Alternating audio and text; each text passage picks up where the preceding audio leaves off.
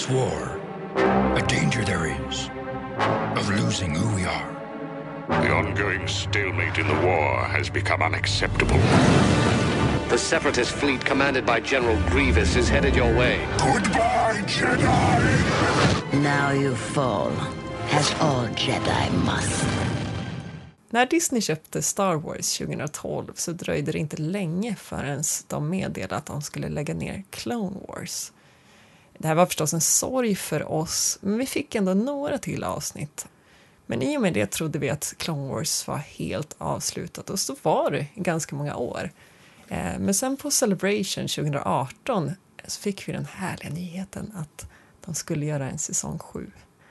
Visserligen ganska kort, bara 12 avsnitt, men ändå bättre än ingenting. Eh, och nu har vi väntat ett bra tag och det börjar närma sig premiärdatum som är 17 februari. Och för att peppa lite inför det så tänkte vi att vi kör en liten, eh, ja vad ska man säga, nedräkningspodd här. Eh, för att fira lite vad Clone Wars har varit hittills. Jag som pratar och som tycker att Clone Wars är något av det bästa som Star Wars har heter Hanna. Eh, och med mig har jag Linus. Hej Linus! Hej Hanna, vilken, vilken härlig introduktion du bjöd på. Visst blir man glad? ja, Blir sugen Eller liksom bara man börjar prata om det. ja jag, jag kände också, jag hade inte, eller det kom jag på nu för sig, jag tror inte jag hade sett allt Clone Wars när den här nyheten kom. ah, just det. Eh, om att de la ner det. Jag tror jag typ var så här halvvägs då. Och sen så, så jag blev nästan mer ledsen när jag hade sett klart det och tänkte så här, hallå, så här kan vi inte sluta. Nej, Men, eh, ja men jag förstår. eh, Det dröjde ju Ja. ganska länge, när nyheten kom så tror jag de var mitt inne i säsong fem och sen så dröjde det kanske något år innan vi fick de här sista sk- skrufsavsnitten som de var liksom mitt i produktion och till Mm. viss del gjorde klart liksom. Så att man hade ju lite utrymme att varva ner men det var ju ändå lite chockartat på något sätt. Skulle du vilja berätta lite om hur vi ska göra de här poddarna? Eh, ja, alltså vi kommer släppa typ ett avsnitt i veckan. Det är väl ambitionen i alla fall. Ja. Eh, och eh, där vi då, Clone Wars till stora delar är ju uppbyggd liksom kring olika arcs som vi kallar det. Jag vet inte om det finns något jättebra ord på svenska men vi har bestämt oss för Båge. att kalla det Kan båge. Ja. Eh, det är ofta ett gäng avsnitt, typ två till fyra, som berättar en sammanhängande story. Och då har vi liksom valt eh, några var här. Och så tänkte vi ta ett i veckan. Och ambitionen är också att försöka få med några fler ur ja, vad ska man säga, Rebellradion Escape-podd-redaktionen så att det inte bara, blir- bara blir våra egna favorit-arcs utan Ja, eh, får en liten blandning av olika eh, idéer och känslor kring det hela. Eh, och eh, ja, så att det blir liksom en person får väl i princip välja sin arc per avsnitt eh, och vi ska faktiskt börja med att ta min arc. Eh, och egentligen, jag vill lägga fram en brasklapp här redan från början, att det kanske inte är min riktiga favorit-arc, men jag tycker väldigt mycket om de här avsnitten för att de beskriver så väl vad jag älskar med Clone Wars. För det finns några saker med Clone Wars som jag känner liksom det här är viktigt för hela konceptet. Eh, dels tycker jag att det gör väldigt mycket att de liksom berättar mera om vilka som sitter i eller vilka som är med i Jedi-orden. Liksom. Eh, de beskriver de olika Jedi-mästarna lite mera, vilket gör att Order 66 i Revenge of Sith eh, får liksom mycket mera tragik kring sig. Eh, jag tycker Mm. också att det är jättespännande att man får lära känna Anakin lite mer. Han blir in- inte bara en dryg Hayden Christensen utan liksom får någon slags personlighet där man dels lär sig att tycka om honom men också liksom till viss del förstår mer och mer av varför han går den väg han går. Eh, men kanske den grejen jag tänkte ta upp idag, det är lite det här med ens relation till klonerna. För i filmerna så upplever jag att klonerna beskrivs extremt opersonligt. Alltså man får reda på lite här och där att det finns några som har namn. Alltså Commander Cody beskrivs ju med namn i Revenge of the Sith i samband med Order 66. Men annars så är de liksom ja, väldigt opersonliga. De är väl datoranimerade och liksom har i stort sett alltid hjälmen på. Eh, Medan man då sen i Clone Wars får, får lära känna dem lite mera. Eh, så min ark är en ark som jag kallar för eh, Domino Squad-arken eh, som börjar med avsnitt 1 på säsong 3. Eh, där får man följa fem stycken klonkadetter som eh, tränar inför att liksom bli riktiga clone troopers. och de är kvar på Camino och tränar sina favorit, eller tränar sina banor och ska liksom lära sig att samarbeta ihop. Eh, och det går ju inte så bra för just den här gruppen. eh, de är väldigt olika i sina personligheter och har väldigt svårt att eh, liksom samarbeta. Eh, och det är väl kanske en av grejerna som jag till att börja med gillade med den här, att kunna se så här vilken variation det får vara på klonerna. Eh, att e-, egentligen man liksom hör, lär sig då att de har samma genetiska material med viss variation. Jag, jag minns kanske fel, men jag har lärt mig på något sätt att beroende på rank så kan de ha lite olika DNA-uppsättning. Är det någonting du känner igen, Linus? Oj, jag är verkligen inte så hemma på serietidningar och eh, liksom ge ut sådär jättemycket. Jag har mest eh, fått det berättat för mig i så fall. Men jag kanske kan känna igen det lite. Men jag, jag vet inte riktigt var, var jag har fått den idén från om jag ska vara ärlig. Men på något sätt har jag fått för mig att de liksom gör de här, de som är liksom mera commanders får eh, drag som är lite mera lik Djangos och lite mera liksom självständiga.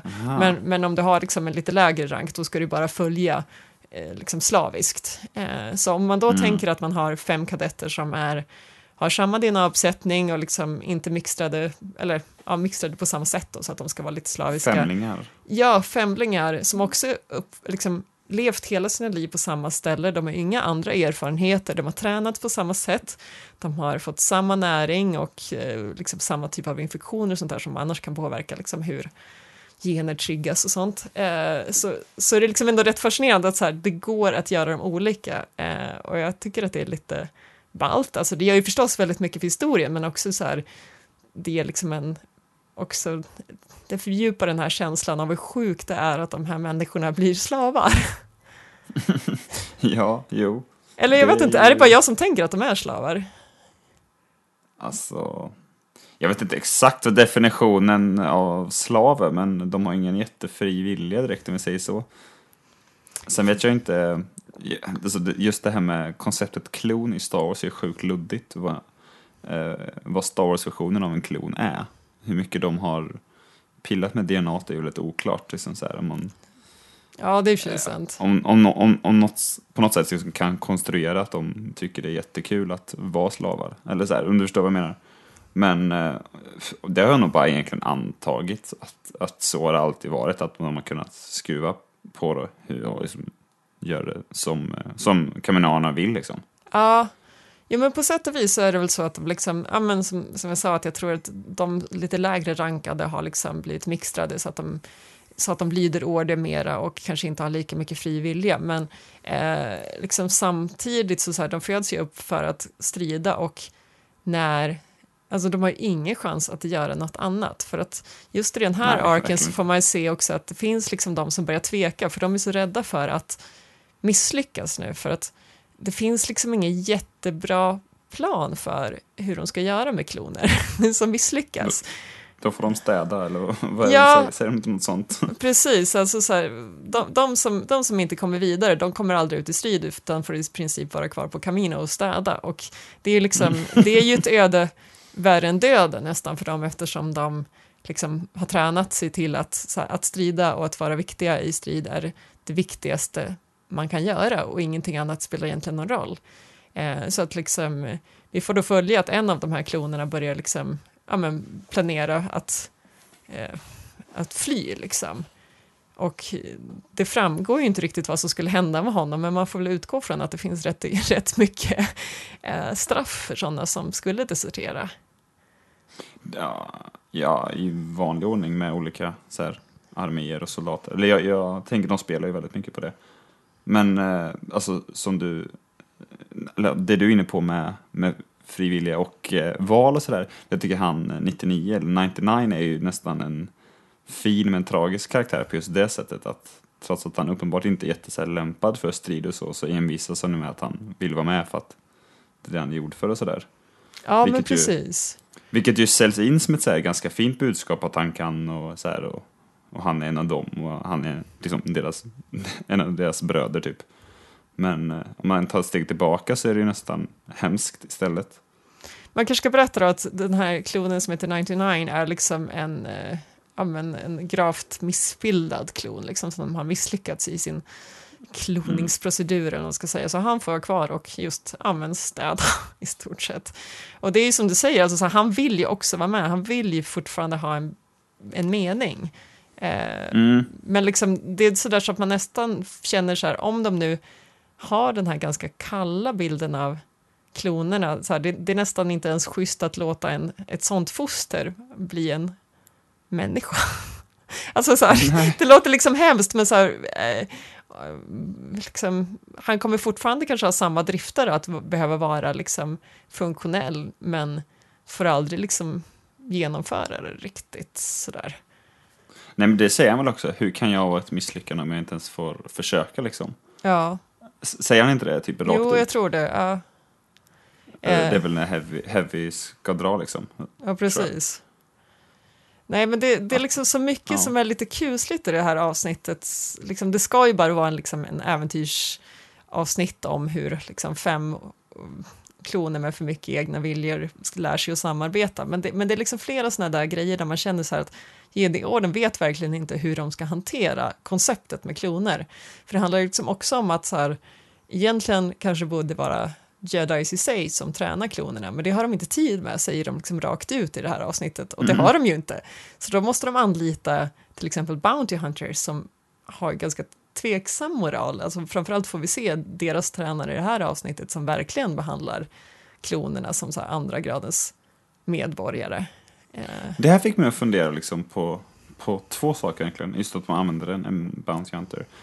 Så här, ett, vad, vad kan en Bounty Hunter göra under republiken som inte gör att han blir liksom inspärrad? Är han liksom bara... Eller förstår vad jag menar? Han är, de har Ja. ju uppenbarligen inte så här, anlitat Aura Singh för att hon skulle åka in om de fick tag på henne. ah, men det här kanske är någon sån här medioker Bounty Hunter som blir typ benådad om han Bortsprungna jobbar. katter och sånt. ja, precis. Livstid eller träna kloner. Ja, Ehm. eller, så kanske skulle, Orsing också skulle kunna vara med för att de liksom ser hennes kompetens. Eh, Ja, jag vet kanske. faktiskt inte. För jag tycker i det här... Men Ja, förlåt. Alltså, ah, nej men ah, alltså, du har säkert rätt, men menar, alltså, det är en obesvarad fråga som fick mig fundera. Sen, sen är det inte en jättenödvändig fråga för storyn eller så, men jag började ändå fundera på det. Och sen så tänker jag också på, visst det sägs väl säkert flera gånger att så här, republiken har ingen armé så här, innan klonerna. Mm. Men de måste ju ändå någon form av militär eller? Jo, men de har någon armé, men den, jag tror att den är ganska svag och väldigt utspridd. Jag har för mig att det är så de beskriver det i episod 1. Liksom, att, eh, dels så är. Jedi-orden för svag, alltså Jedi-orden ska väl viss, till viss del hjälpa liksom, till, men jag tror att de har en del eh, arméer, men jag minns liksom inte riktigt. Men det, på något sätt så ska de ju vara ganska, de, de är liksom för stora i sig, republiken, för att kunna riktigt hantera allting. Eh, och att Ja, då, men jag, min tanke var då att då, varför borde man inte kunna ta någon av dem att träna upp Ja, du menar så. Ja, det, jag tycker också. Så här, de borde ju ha någon form av kompetens. Alltså, så här, det, det kan ju inte vara de första soldaterna i världshistorien, som klonerna. Liksom. Och sen känns ju inte Bounty Hunter som kanske de som är bäst på att träna upp det här med liksom lojalitet och liksom... Eh, Lagarbete. tänka- Lagarbete. och sånt. Nej, men det som är, det är så här, så, så hela grejen i sig är lite kusligt att det för det första är en Bounty Hunter som liksom ja, men som går sin egen väg och inte riktigt bryr sig och ser ner på klonerna. Men sen så är också så här... Ja, den riktigt här, as faktiskt. Ja, han är ett riktigt as och Sh- Shakti som är med och övervakar hela, alltså jedin här, hon, eh, hon accepterar det lite grann för att hon är lite så här, ja, han fuskade i den här träningsgrejen, Exakt. men, men så här, ja, det lärde ju dem att bli starkare så då får det väl vara så. Och då är det Och återigen så bara, men hur mycket får liksom alla runt omkring dem, hur, vad, liksom, hur får man behandla klonerna liksom? Och visst, Det är riktigt oklart. ja, Och det är också, och det tycker jag också eh, ännu liksom ett tecken på att jedi-riddarna var inte så jättesköna alla gånger heller.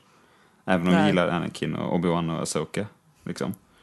Så att eh, de har ju de har lite skev syn på både det ena och det andra. Ja, men verkligen. Alltså jag, jag tänker att Jedi-orden i sig är vidrig och Jedi-mästarna kan vara underbara. Liksom. Alltså att de har ingen korrupt order på något sätt. Alltså de, de har en tveksam moral i sig själva för de vet inte riktigt hur de ska hantera saker.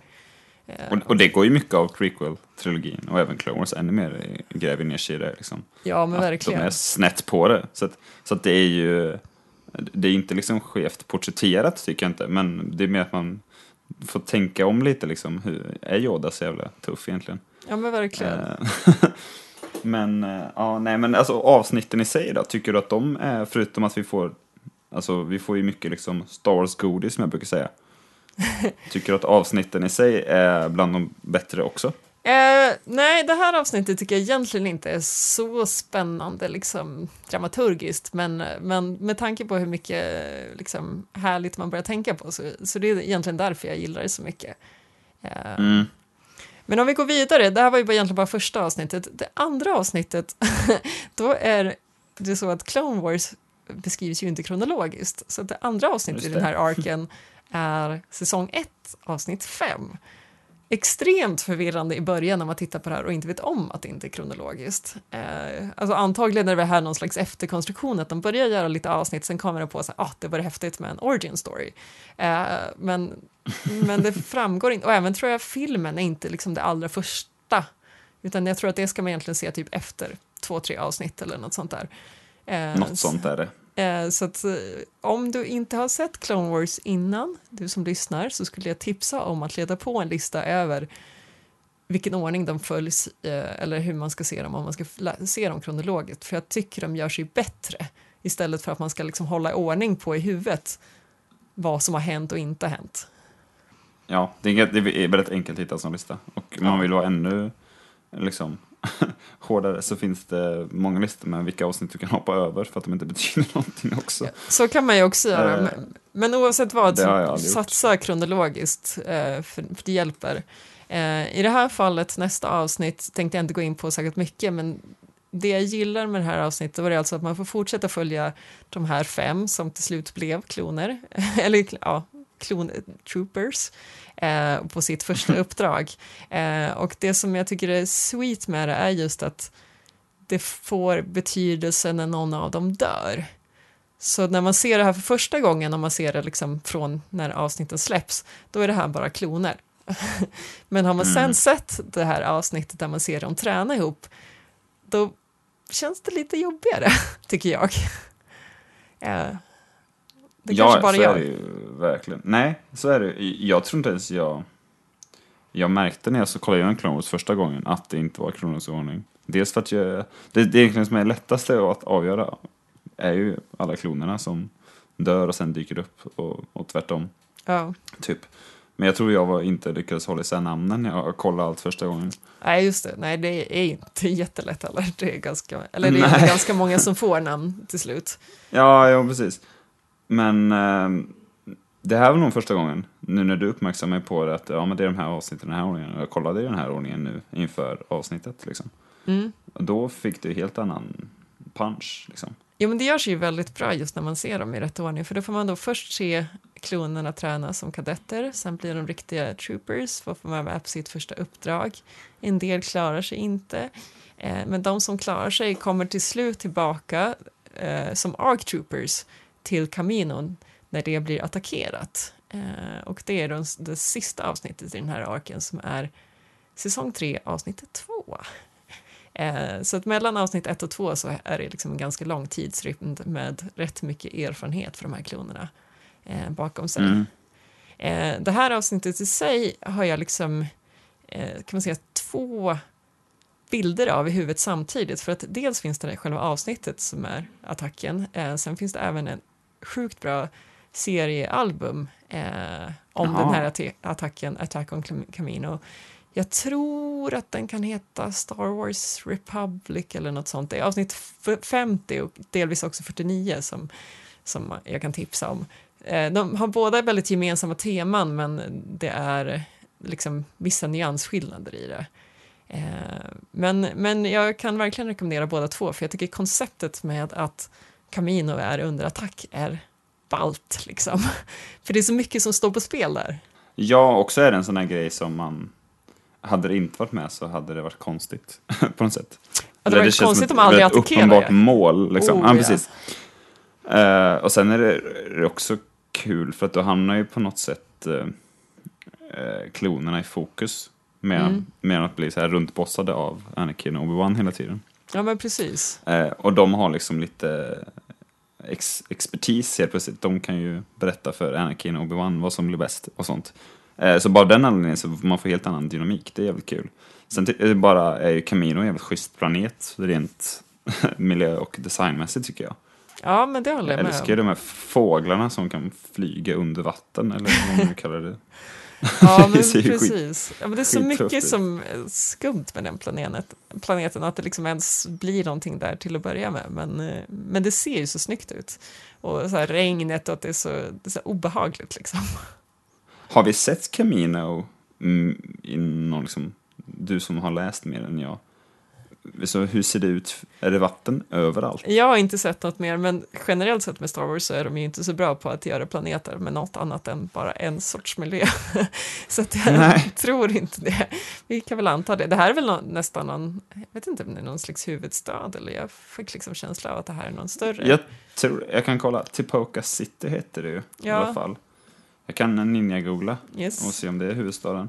Men eh, eh, annars tycker jag att, men typ, vet du det? Rise of Skywalker var ett ganska bra exempel på det, där vi fick se Mustafar i någon sorts skog, skogsmiljö i början. jag håller med. Det var så, Så- uppfriskande att se någonting annat än, än bara en sorts ja, miljö då, som sagt. Ja, precis. Och uppenbarligen så finns det ju planeter med mer än en miljö på, liksom. Typ Ja. jorden. Så ja, men precis. det, det är inte konstigt om det finns öken och eh, liksom hav på samma planet. Det verkar vara, jo men det är huvudstaden. Ja, men där ser man. Eh, och det står också att det är home to several million Caminoans. Oj, så att, eh, Okej, så rätt, rätt stort och fett. Eh, ja, men om vi ska tillbaka lite till avsnittet. Eh, det som jag tycker är ganska tufft med det här avsnittet är, eh, ja men som du säger, dels klonerna att försvara sig själva. Om vi tar seriealbumet så går de liksom också ett ste- steg längre och eh, typ mer eller mindre tina fram liksom deras värsta ARC troopers som är så här så lik Django Fett som det bara går. Så att de kan liksom aldrig Jaha. ha de här tr- trupperna aktiva annars för att de är alldeles för farliga. Eh, Jaha, vad sjukt. Ja, så att, eh, så att det, är liksom, det är väl också där som sagt jag kommer. Jag kommer in från, från det hållet. Jag har liksom lärt mig att det här är så här, nu är det mycket som står på spel. Ehm, och eh, det, det gäller att till exempel skydda younglings i båda varianterna, eller liksom de yngre. Men Mm. de ska också å andra sidan vara så pass skillade att de kan försvara sig, och det, och det gör de ju liksom också. Ehm, men en Ja, annan det gör de ju här i serien också. Eller Ja, också. precis. Så att det finns väldigt mycket likheter. Eh, men en sak som jag tycker oftast saknar i liksom, vad ska man säga, filmerna och i Clone Wars och sånt, det är lite den här liksom, balansen mellan att separatisterna måste vara bra, för de måste hålla klonkriget igång eh, och liksom göra så att republiken blir försvagad, republiken vill ha liksom stark ledare, alltså Palpatine, eh, också försvaga Jedi-orden. Eh, men samtidigt så måste Count Dooku se till att det alltid går lite kast för separatisterna, för de får inte, de får inte vinna. Alltså, så här, förstå om slaget mot Camino faktiskt skulle vara framgångsrikt för separatisterna. Mm, Då är ju ja, liksom jo. hela planen förstörd, för de vill ju infiltrera och ha liksom klonerna inne i Jedi-orden så mycket det bara går, annars skulle ju aldrig Order 66 funka till exempel. Eh, så, att, eh, så att det måste liksom hela tiden vara den här balansen eh, och det är någonting de liksom betonar lite mer i serietidningen att liksom, anledningen till att de har det här slaget, dels är det ju att liksom, Count Dooku måste hålla skenet uppe om att han faktiskt försöker vinna kriget. eh, men också handlar det om att det liksom börjar bli en del andra starka ledare inom eh, separatiströrelsen som liksom planerar Ah. att ta över Count Dookus roll så att de måste ja, se till att de dels misslyckas men också kanske också dör lite grann. Dör lite grann, ja. ja, Eh, eh, vet vi uttryckligen att, att Order 66 är planen hela tiden? Eh, nej, alltså Det där var väl någonting vi pratade lite om i Rise of Skywalker, att Palpatine Ja. kanske bara är extremt flexibel. Eh, men jag har alltid tänkt det som att, liksom, en av, att det liksom alltid fanns en grundplan om att få in klonerna så mycket som möjligt kring jedis för att på så vis eh, kunna använda dem emot jedi-orden. Mm. Att det liksom, alltså Palpatine skulle aldrig kunna döda Jedi-orden i sig själv, utan de måste ju ha soldater. Eh, och Ja, då ja. behöver det Någon vara soldater som. Jedi-orden litar på. Liksom. Mm. Så att det, är liksom, det är så sjukt med slaget mot Camino, för att så här, det måste göras eh, av så här appearance, liksom. Alltså alla förväntar sig det här målet, men det får absolut inte lyckas. Eh, Nej, nej.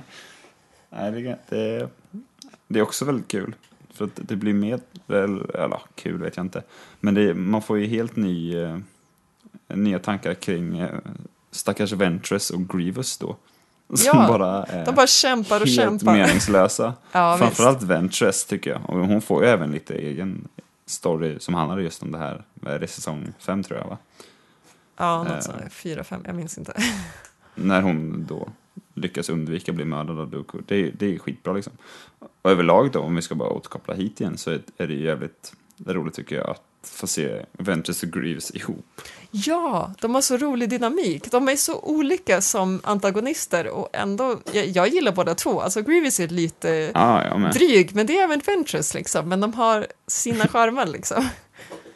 Ja, ja. Och men eh, typ när, när eh, Ventress eh, pussar en klon på kinden efter att hon har haft ihjäl honom. Så sådana grejer. De är bara roliga att, att se på. Ja, och jag hade ju väldigt mycket emot liksom, sexualiseringen av Ventress efter att först ha sett de tecknade Clone Wars-avsnitten som kom för jättelänge sedan, liksom, där Ventress porträtteras helt annorlunda. Men nu gillar jag Jaha, liksom, så de gamla?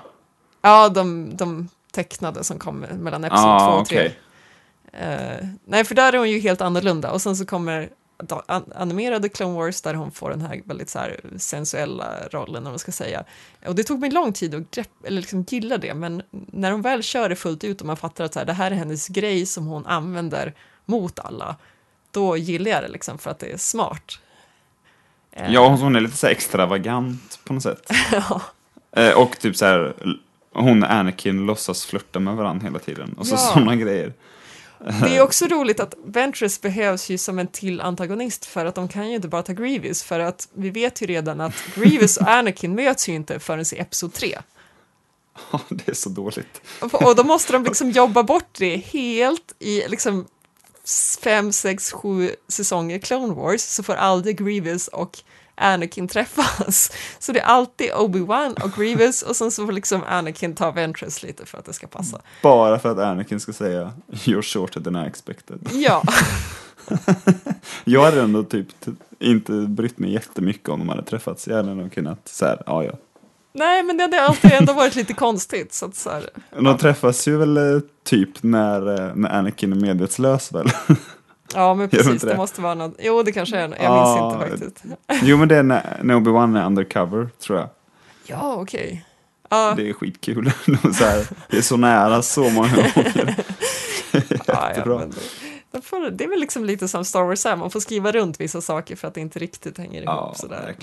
Men retconna Och jag minns att jag, efter jag sett serien, så här, någon säsong eller så, så kollade jag på Re- Revenge of the Sith, som man gör. Mm. Eh, och så kom jag då till den här scenen. Och så tänkte jag att nej, den är förstörd nu, för de har ju träffats massa i Clone Wars. Mm. Så, så tänkte jag så här, nej, de har fan aldrig träffats. Nej. Men de är med liksom i samma avsnitt och är nära varandra. Ja, hur mycket som hela helst. tiden. Ja. ja, Men, ja. ja. Det, är, det är som det är. En sista grej jag bara tänkte nämna innan vi avslutar är eh, i slutet av eh, det här sista avsnittet som heter Art Troopers när de attackerar Camino.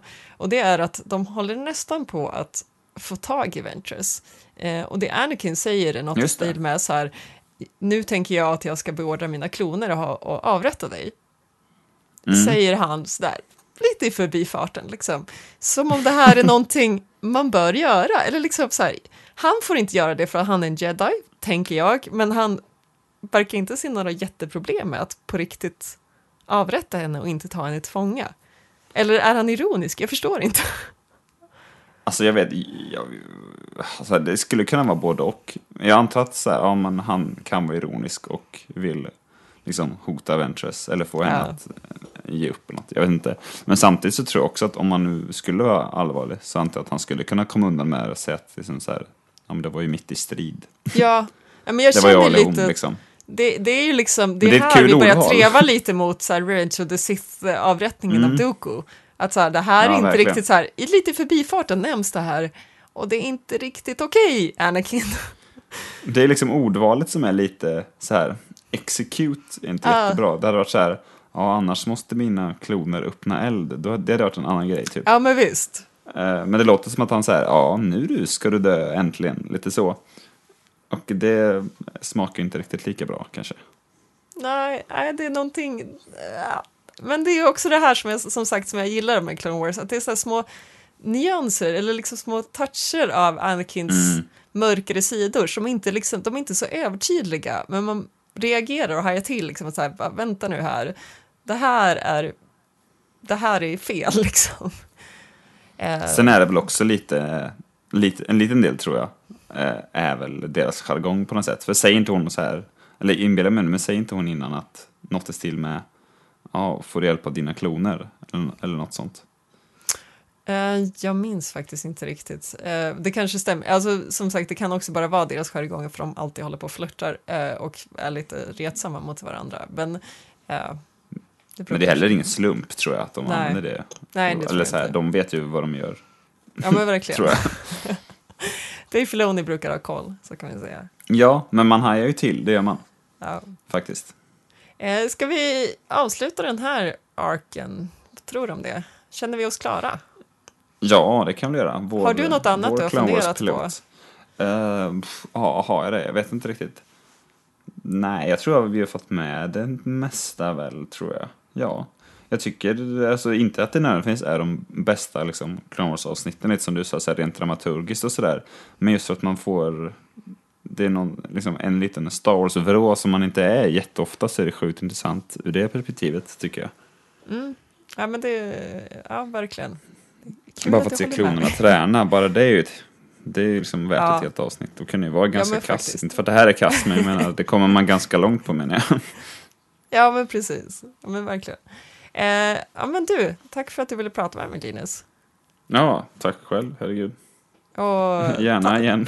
gärna igen, det kommer nog. Eh, och tack er, ni som lyssnar. Ha det bra. Hej då! Hej då. Roger, Roger, Roger, Roger, Roger, Roger, Roger.